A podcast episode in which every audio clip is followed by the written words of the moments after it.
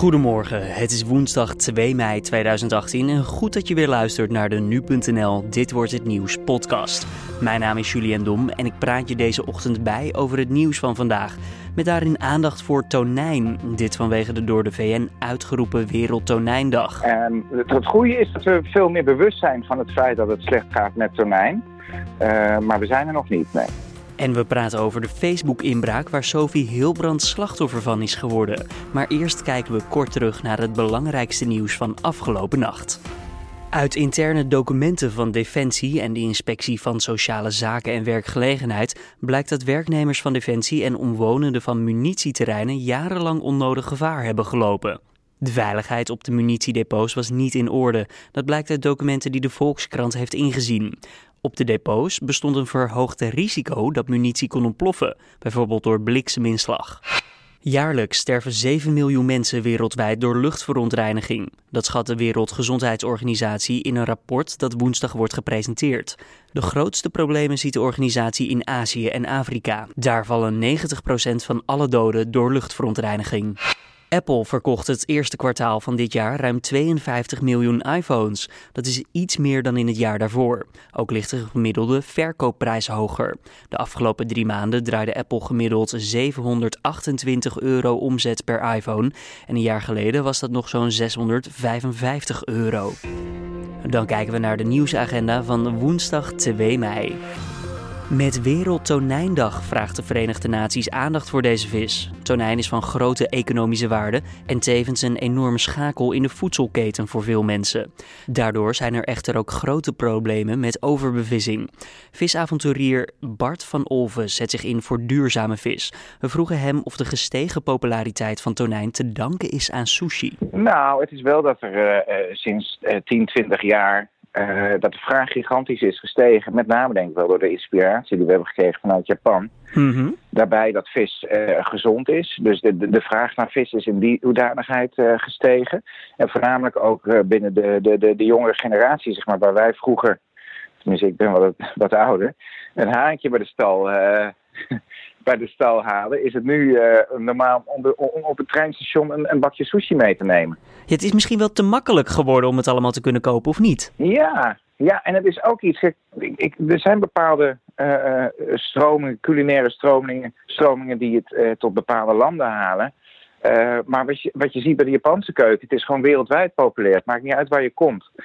En, en, en binnen de Japanse keuken is vis uh, uh, is het belangrijkste onderdeel, of een heel belangrijk onderdeel. En daarbinnen tonijn, ja, de, de grote de grote held, de, de hero. Uh, iedereen uh, wil met tonijn. Als je in, in Japan bent, in, in een sushi-restaurant, dan staan er Mhm. wel vier, vijf, zes verschillende soorten tonijn op de kaart. Verschillende manieren bereid. Dus ja, de, de vraag is enorm gestegen. En uh, hoe gaat het dan met het vissen van dit tonijn? Um, want je hebt natuurlijk sashimi-tonijn en bliktonijn. Is dat allemaal dezelfde vis? Wordt die allemaal via net binnengehaald? Hoe gaat dat in zijn werking? Nou, als je in het begin van de keten start, er zijn eigenlijk zo'n 40 tonijnsoorten bekend waarvan wij uh, hier in Nederland bijvoorbeeld een, een, stuk of vier, vijf consumeren. Mm -hmm.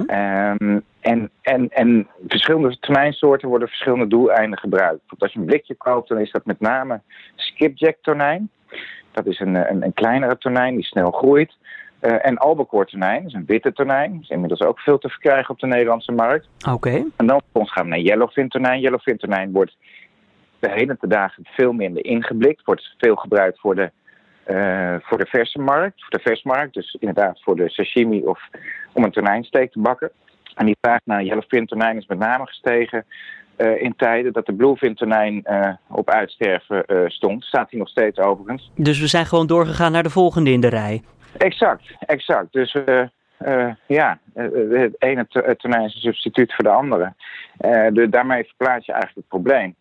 Um, het, het goede is dat we veel meer bewust zijn van het feit dat het slecht gaat met tonijn. Uh, maar we zijn er nog niet, nee.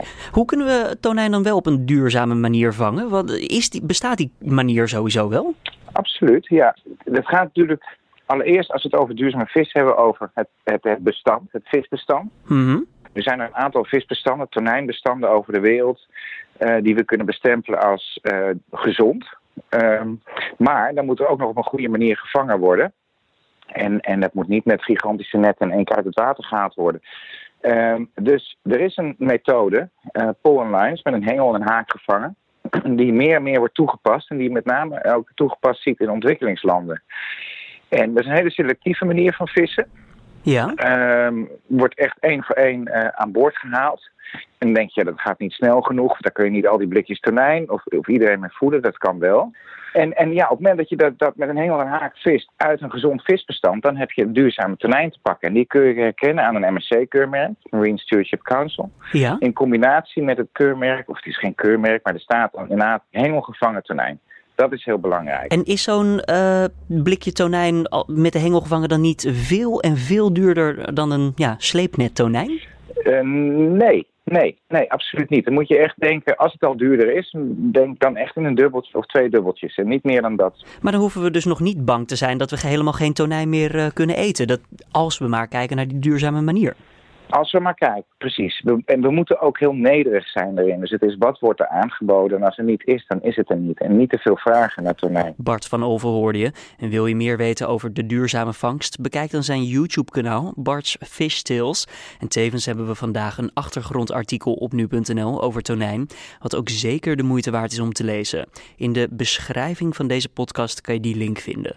Vandaag begint de inhoudelijke strafzaak tegen de 35-jarige Mathieu M. De man wist toegang te krijgen tot Facebook- en mailaccounts van BN'ers, waaronder die van Sophie Hilbrand. We praten hierover met Sean Verhoeven van de entertainmentredactie. Want wat deed deze man eigenlijk met de accounts van Sophie Hilbrand? Nou, we, wat we hierover weten is dat hij telefoonnummers uh, verzamelde van bekenden van Sophie Hilbrand. Mm -hmm. En die mensen ging die, uh, ging die vervolgens bellen. En uh, het schijnt dat hij dus uh, van meerdere bekende Nederlanders uh, het, het, nummer heeft verzameld. Of dat hij van meerdere mensen uh, ook de accounts gehackt heeft. Dat is niet helemaal duidelijk. En het is ook niet duidelijk welke andere bekende Nederlanders dat dan zijn. Okay. Wat Sophie Hilbrand hier zelf over verteld heeft, is dat ze dat ze er persoonlijk niet echt last van heeft gehad. Dus dat hij haar niet persoonlijk heeft lastiggevallen. Mm -hmm. Maar uh, dat hij natuurlijk wel bekenden van haar heeft lastiggevallen door zich voor te doen als haar. Ja, precies. Dus we moeten gewoon denken, hij deed alsof hij Sophie Hilbrand was en maakte contact met andere mensen dus. Precies, ja, dat is wat gebeurd is. Ja, voor de duidelijkheid, dit is wel een andere zaak dan die waar vlogger Laura Ponticorvo slachtoffer uh, van is geworden, toch? Klopt, ja. Dat was een, uh, een uh, VVD-politicus, Mitchell van der K. Die uh, had foto's, naaktfoto's en, en filmpjes gestolen van Laura Ponticorvo en ook nog wel wat andere mensen. Um, maar die zaken staan inderdaad helemaal los van elkaar. Heeft M, die heeft ingebroken bij het Facebook-account van Sophie Hilbrand, eigenlijk al nog iets gezegd over waarom hij dat heeft gedaan? Nee, daar hebben wij in ieder geval nog niks over gehoord. Uh, maar vandaag dient de zaak voor de rechtbank in Amsterdam. Dus um, hopelijk komen we vandaag iets meer te weten over zijn motieven. Dat was Sean Verhoeven. Nou, als je dit zo hoort, dan wil je natuurlijk zelf nooit het slachtoffer worden van een situatie waarbij iemand anders jouw account in kan komen. Om dat te voorkomen start je bij een goed wachtwoord. Daarom hebben we nog enkele tips die voor iedereen aan te raden zijn. Stan Hulzen van de Nu Tegen redactie spreken we daarover. Want Stan, waar moeten we precies op letten? Een goed wachtwoord is eigenlijk niet te raden. Hoe moeilijker het wachtwoord is, hoe willekeuriger bijvoorbeeld je kleine letters, hoofdletters en cijfers en vreemde tekens door elkaar gebruikt, hoe moeilijker uh, je, en, en, hoe moeilijker je het wachtwoord vervolgens maakt, mm -hmm. des te beter het wachtwoord eigenlijk is. Um, je moet vooral niet uh, uh, bijvoorbeeld de naam van je hond of je geboortedatum als wachtwoord nemen. Uh, want dit is eigenlijk vrij voor de hand liggend en daardoor ook vrij makkelijk te raden of te kraken. Oké, okay, dus een wachtwoord wat uit veel verschillende tekens bestaat. Um, en dat kunnen we dan vervolgens overal gewoon gebruiken? Nou, nee. Uh, je moet natuurlijk nooit hetzelfde wachtwoord voor meerdere diensten gebruiken. Wat je dan doet, is dat je eigenlijk de deur voor elk account openzet als je de sleutel van één account weggeeft. Stel iemand weet dat één moeilijke wachtwoord van één account te raden of toch in zijn bezit te krijgen, dan kan die in feite met diezelfde sleutel dus ook al jouw andere accounts binnenkomen. Um, dat is natuurlijk niet handig, dus daarom is het gewoon verstandig om voor elk account dat je hebt een verschillend wachtwoord te gebruiken. Ja, dat ga ik natuurlijk nooit onthouden. Nee, je zit natuurlijk met superveel accounts die allemaal zo'n moeilijk complex uh, wachtwoord moeten hebben van verschillende hoofdletters, cijfers, uh, vreemde tekens. Dat, dat wordt lastig. Um, gelukkig zijn daar programma's voor waarmee je dus al die moeilijke wachtwoorden kunt opslaan op een veilige manier. Dat heet een wachtwoordmanager. Als je daarop googelt, dan vind je zo tips hoe je dat kan instellen. En dat is eigenlijk een soort digitale kluis voor al jouw wachtwoorden. Um, je beveiligt die kluis zelf ook weer met een wachtwoord. En dat is dan eigenlijk het enige wachtwoord dat je hoeft te onthouden. Dus je kunt voor elk account een moeilijk wachtwoord uh, instellen. Um, die, uh, dat wachtwoord ook in die kluis stoppen. En dan vervolgens dat wachtwoord ook vergeten. Zolang je maar het wachtwoord van die kluis zelf onthoudt. Nou, dat is in ieder geval een handige tip. Zeg, dan uh, kreeg ik laatst een melding bij mijn uh, Gmail-account dat ik misschien een tweestapsverificatie zou moeten instellen. Wat is dat precies? Ja, sommige, uh, sommige accounts bij sommige diensten, zoals bij Google, bieden tweestapsverificatie aan. En dat betekent eigenlijk dat een wachtwoord niet genoeg is om bij dat account in te loggen. Um, ik, ik, omschrijf het altijd zo: uh, om met tweestapsverificatie bij een account binnen te komen, heb je iets nodig dat je kent. Dus iets dat in je hoofd zit, een wachtwoord. Mm -hmm. en iets dat je hebt, bijvoorbeeld een smartphone. Uh, wat er dan gebeurt, is dat je jouw smartphone koppelt aan uh, dat account. Um, en zodra je dan probeert in te loggen, vraagt, vraagt, het, vraagt de dienst niet alleen om het wachtwoord, iets dat je kent, maar ook iets wat je hebt, bijvoorbeeld je smartphone. Op jouw smartphone wordt dan een code gegenereerd en die code moet je dan aanvullend invullen om bij, jou, uh, bij, jou, ja, bij jouw account te komen. Um, je kunt bijvoorbeeld zoeken op Google Authenticator of Authy. Dat zijn verschillende diensten waarmee tweestapsverificatie, mits het account waar je dat voor wilt toepassen, dat ondersteunt, uh, kunt gebruiken. En het is waarschijnlijk één keer instellen en daarna werkt het gewoon altijd? Want het klinkt wel als een beetje werk. het, het, maakt, het maakt inloggen in je account wel wat moeilijker. Omdat je dus elke keer als je opnieuw inlogt, moet je niet alleen je wachtwoord invoeren, maar dus ook je telefoon erbij pakken en die, die speciale code invoeren. Uh, wat het voordeel wel is, is dat iemand, stel dat iemand jouw wachtwoord in zijn bezit heeft, hij nooit op dat account kan inloggen omdat hij die code niet heeft. Want die code die wordt alleen op jouw smartphone gegenereerd. Uh, dus het, het zorgt voor wat meer moeite, maar het maakt je account wel direct een stuk veiliger. Uh, je moet er dan natuurlijk wel voor zorgen dat je je smartphone altijd bij de hand hebt als je wil inloggen. En natuurlijk ook dat je je smartphone niet verliest. Want dan, ja, dan sluit je jezelf uh, waarschijnlijk uit. Hoewel er natuurlijk ook backup methoden voor zijn. Stan Hulsen hoorde je. En op de website hebben we hier ook een uitgebreid artikel over met tips voor een veilig wachtwoord. De link vind je tevens in de beschrijving van deze podcast. Vandaag wordt een strafhuis uitgesproken tegen een man die ervan wordt verdacht een 44-jarige vrouw met kokend water te hebben overgoten. Daarna kwam zij te overlijden. De vrouw was een bewoner van zorginstelling Landrijd in Eindhoven. Daar had de man zich vrijwillig laten opnemen.